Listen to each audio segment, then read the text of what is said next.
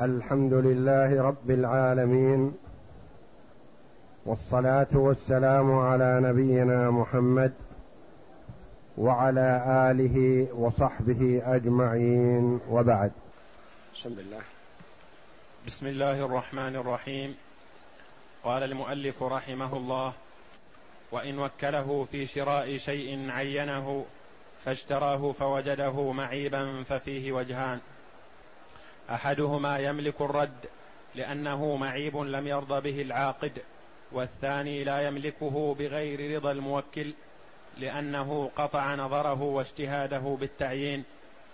فإن قلنا قول المؤلف رحمه الله تعالى وإن وكله في شراء شيء عينه. هذا النوع الثاني في المشترى الأول قال موصوف الثاني عينه يعني وصاه أو وكله يشتري شاة فلان أو ناقة فلان أو قطيفة فلان أو أرض فلان أو بيت فلان معين. فلا يملك أن يشتري غيره وهذا قد تقدم. لكنه اشترى هذه العين التي عينها فوجدها معيبة. فهل يملك الرد أو لا يملك الرد حتى يستأذن موكله؟ وجهان. أحدهما قال يملك الرد لأنه وجده معيب ولا يرضى لنفسه العيب ولا يرضاه لموكله على ظن أن موكله يتوقع أنها سليمة لكنها تعيبت فللوكيل الرد هذا الوجه الأول الوجه الثاني قالوا لا يملك الرد لأنه قالوا له قال له اشتر لي ناقة فلان. ولم يقل له إن كانت معيبة فلا تقبلها أو تفقدها عن العيوب أو نحو ذلك. قال اشتر لي ناقة فلان فهو قطع اختياره. ما جعل للوكيل الاختيار وإنما قال اشتر لي كذا. الوجه الثاني أن الوكيل لا يملك الرد لأن موكله قطع اختياره فلم يجعل له اختيار. فإن قلنا فإن قلنا يملكه فحكمه حكم غير المعين. فإن قلنا يملكه يعني يملك الرد لأنه يقول وصاني ووكلني أشتري كذا فوجدت كذا معيب. ما أرغب في شراء المعيب. أو اشتريته جهلا مني بعيبه ثم تبين لي أنه معيب فلن أقبله. لا أقبله لنفسي ولن أقبله لموكله قال فإن قلنا يملكه يعني يملك الرد فحكمه حكم غير المعين الذي تقدم ذكره الذي هو الموصوف. فصل. إذا وكله في قبض حقه من زيد فمات زيد. لم يملك القبض من وارثه. لأنه لم, لم يتناوله إذنه نطقا لأنهم غيره ولا عرفا لأنه قد يرضى بقاء حقه عندهم دونه. وإن وكله في قبض حقه من زيد فمات زيد. وكله قال أنت وكيل عني في قبض حقي الذي عند زيد وقدره عشرة آلاف ريال.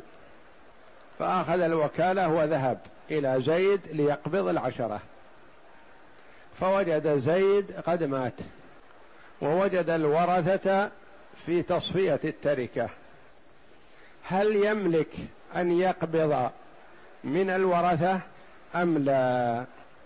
إذا قال له اقبض حقي من زيد ما يملك أن يقبضه من الورثة لأنه عين له من يقبض منه لأنه قد يريد حقه عند زيد لكن ما دام أن زيد مات وخلف ورثة قصر يقول أستحي من الله أني أرغمهم وأحرجهم وآخذ ما بين أيديهم مما خلفه أبوهم. وهم أيتام صغار يبقى الحق لهم. فقل نقول أنت أيها الوكيل ما وكلت إلا في القبض من زيد لكن تقبض من امرأة وأيتام لا. ما وكلت في هذا. ارجع إلى صاحبك. يمكن صاحبك إذا علم أن زيد مات يتنازل عن الحق. إذا وكله أن يقبض من زيد ما يملك أن يقبض من غيره لأن يقبض من زيد. لأنه قد يجوز أن صاحب الحق يريد الحق من زيد لأن زيد يعمل ويشتغل. لكن لما مات وخلف ورثه قصر قد يتنازل يقول يا ليتك ما قبضت منهم أنا ما وكلتك تقبض من الأيتام. أيتام عندهم قليل من المال خلفه أبوهم دعه لهم ولا تضايقهم عنده. فما يملك أن يقبض من وارثه. نعم. وإن قال اقبض حقي الذي قبل زيد فله القبض من وارث من وارثه لأن لفظه يتناول قبض الحق من غير تعرض للمقبوض منه. وإن قال اقبض حقي الذي قبل زيد. ما قال اقبض من زيد؟ قال اقبض حقي وكله في قبض الحق. وهذا الحق قبل زيد يعني استلمته من زيد أو استلمته من أبيه أو استلمته من أمه أو استلمته من ابنه أو من وكيله. هذا الحق اقبضه. فأنت أيها الوكيل موكل في القبض في قبض الحق من أي شخص كان.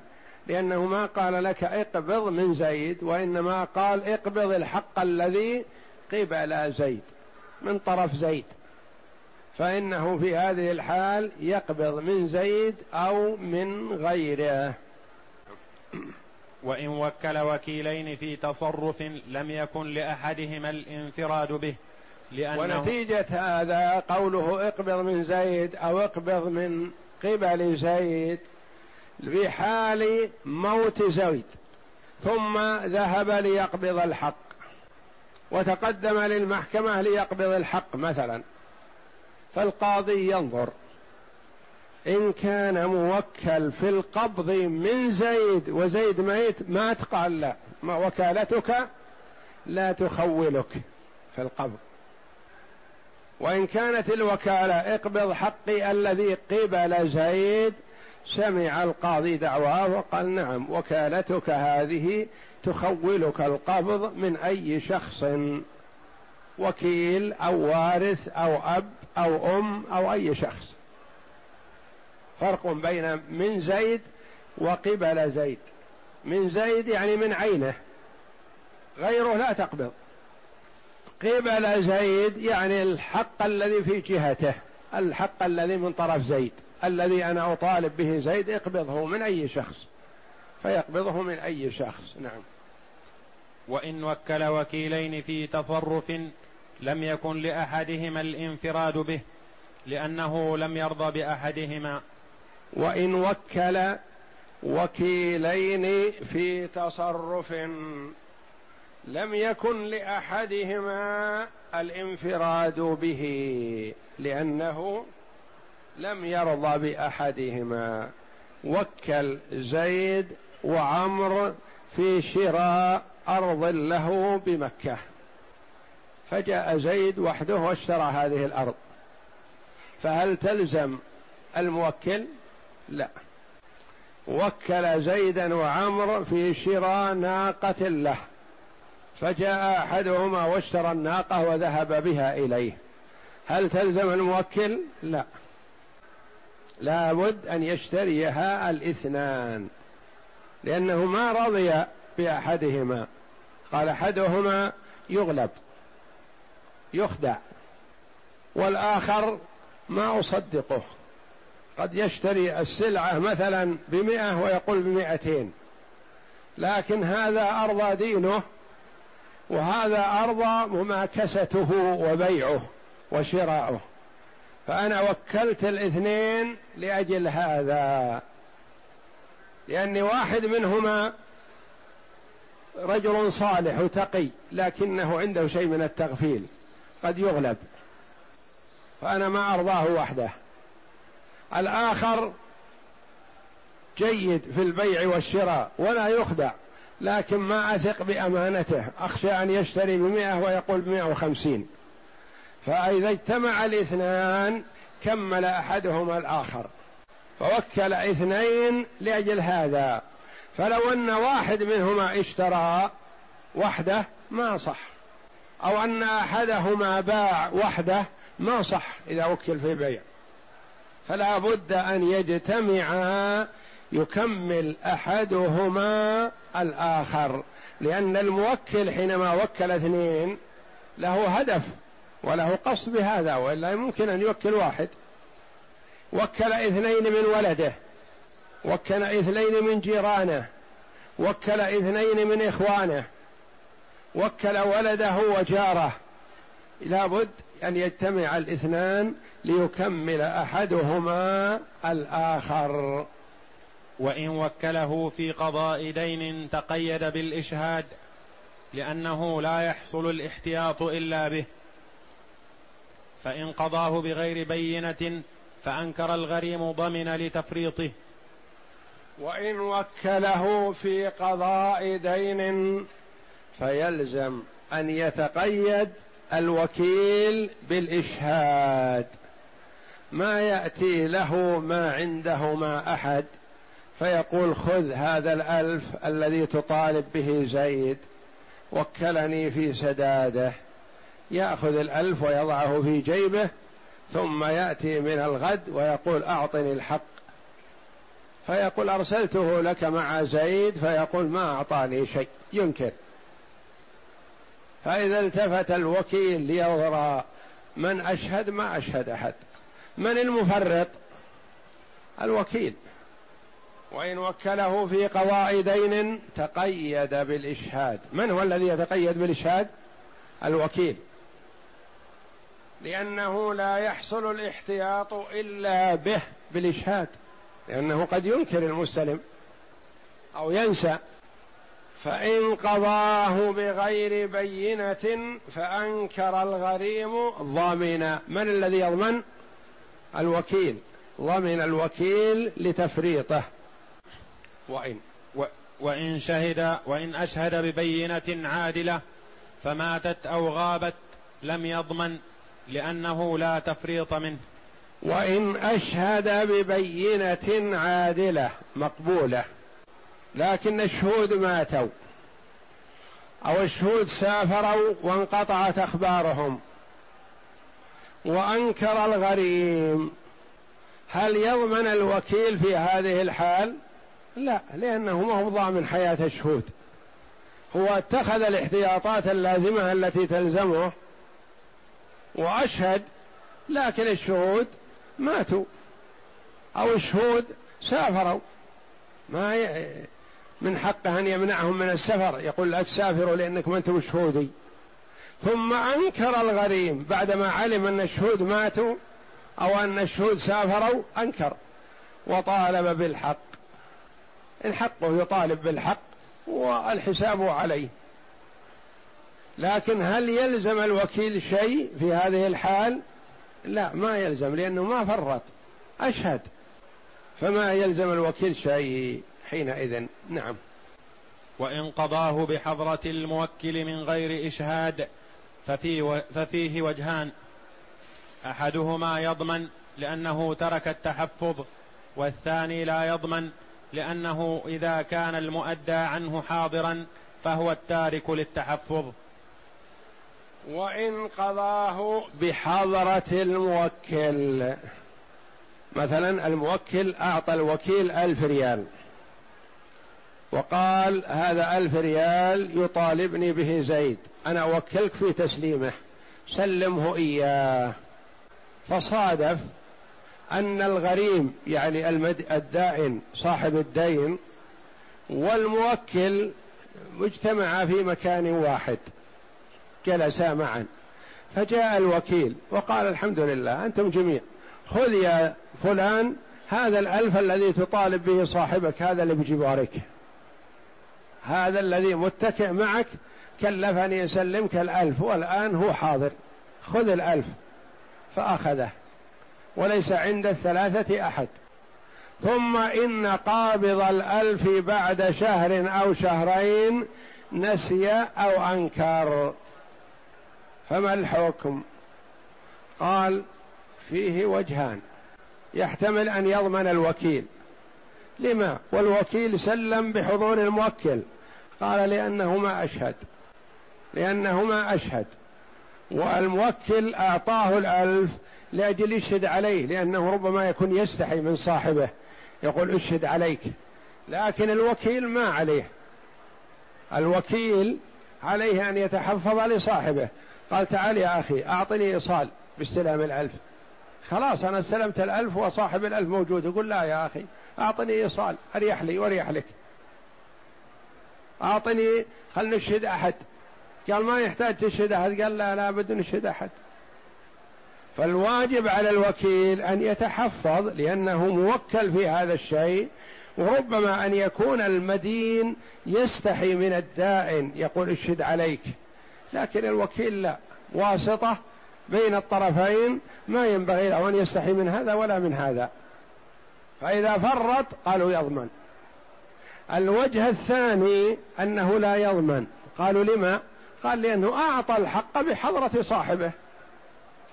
وكان من حق صاحبه الذي هو المدين أن يقول أشهد. أشهد يا فلان وفلان. لكن هو نفسه صاحب الحق الذي عليه الحق فرط وذا ما عليه شيء. ففي المسألة وجهان يحتمل أن يضمن لأنه سلم تسليما لا يبرئ الذمة. من دون إشهاد. ويحتمل ألا يضمن لأن المدينة نفسه حاضر موجود فالتفريط حاصل منه. وإن قضاه ببينة مختلف فيها ففيه وجهان. أحدهما يضمن لأنه ترك التحفظ والثاني لا يضمن لأنها بينة شرعية أشبهت المجمع عليها. وإن قضاه ببينة مختلف فيها. ما هي البينة المختلف فيها؟ البينة المختلف فيها شاهدان عدلان؟ لا. هذه منصوص عليها في كتاب الله تبارك وتعالى. الشهادة في العدلين منصوص عليها ما في خلاف. إذا ما هي البينة المختلف فيها؟ شاهد واحد. لأن بعض العلماء يقول الشاهد واحد مع اليمين تكفي والبعض الآخر يقول لا ما يكفي. شاهد واحد ما يكفي. شاهد رجل وامرأتان. قالوا هذه محل خلاف لأن المفروض أن يكون الشهود رجلان. فلما لم يكون فقد أشهد شهادة مختلفا فيها. الشهادة المختلف فيها ذكرها في المغني رحمه الله قال بشاهد واحد أو برجل وامرأتين. وإذا أشكل عليك شيء في الكافي مثلا أو شيء مجمل فارجع إلى المغني فإنه بمثابة الشرح للكافي لأن مؤلف الكافي هو مؤلف المغني. الكافي متوسط والمغني موسع. وأسماء كتب ابن قدامة رحمه الله تعالى اسم وافق مسماه. اجتهد فيها العمدة ثم المقنع ثم الكافي ثم المغني. العمدة يعتمد عليها والمقنع يقنع الشخص القنوع. والكافي يكفي لمتوسط الحال. والمغني يغني كل أحد ما بعد شيء. وإن قضاه ببينة مختلف فيها شاهد واحد أو شاهد وامرأتان. ففيه وجهان أحدهما يضمن إذا أنكر المستلم لأن الشهادة ما هي كافيه ما احتاط وأشهد ذوي عدل. اقتنع بواحد والواحد لا يكفي عند كثير من العلماء. والرواية الأخرى قالوا لا يضمن يكفي لأنها شهادة شرعية. ولما يلزمه أن يشهد على رأي جميع العلماء كلهم. ما دام أنه أشهد شهادة شرعية فيكفيه ذلك. وإن قضاه ببينة. وإن قضاه ببينة مختلف فيها ففيه وجهان. أحدهما يضمن المختلف فيها هي الشاهد الواحد والشاهد والمرأتان. نعم. ففيه وجهان. أحدهما يضمن. من هو الذي يضمن؟ الوكيل. لأنه ما احتاط وما أتى بالشهادة المقبولة عند جميع العلماء. نعم. لأنه ترك التحفظ والثاني لا يضمن لأنه ببينة شرعية أشبهت المجمع عليها. لأنه أشهد وما قصر وأشهد بشهادة سائغة لدى كثير من العلماء فهي شهادة شرعية. فلا يضمن لأنه ما حصل منه تفريط. والله أعلم. وصلى الله وسلم وبارك على عبده ورسول نبينا محمد وعلى آله وصحبه أجمعين.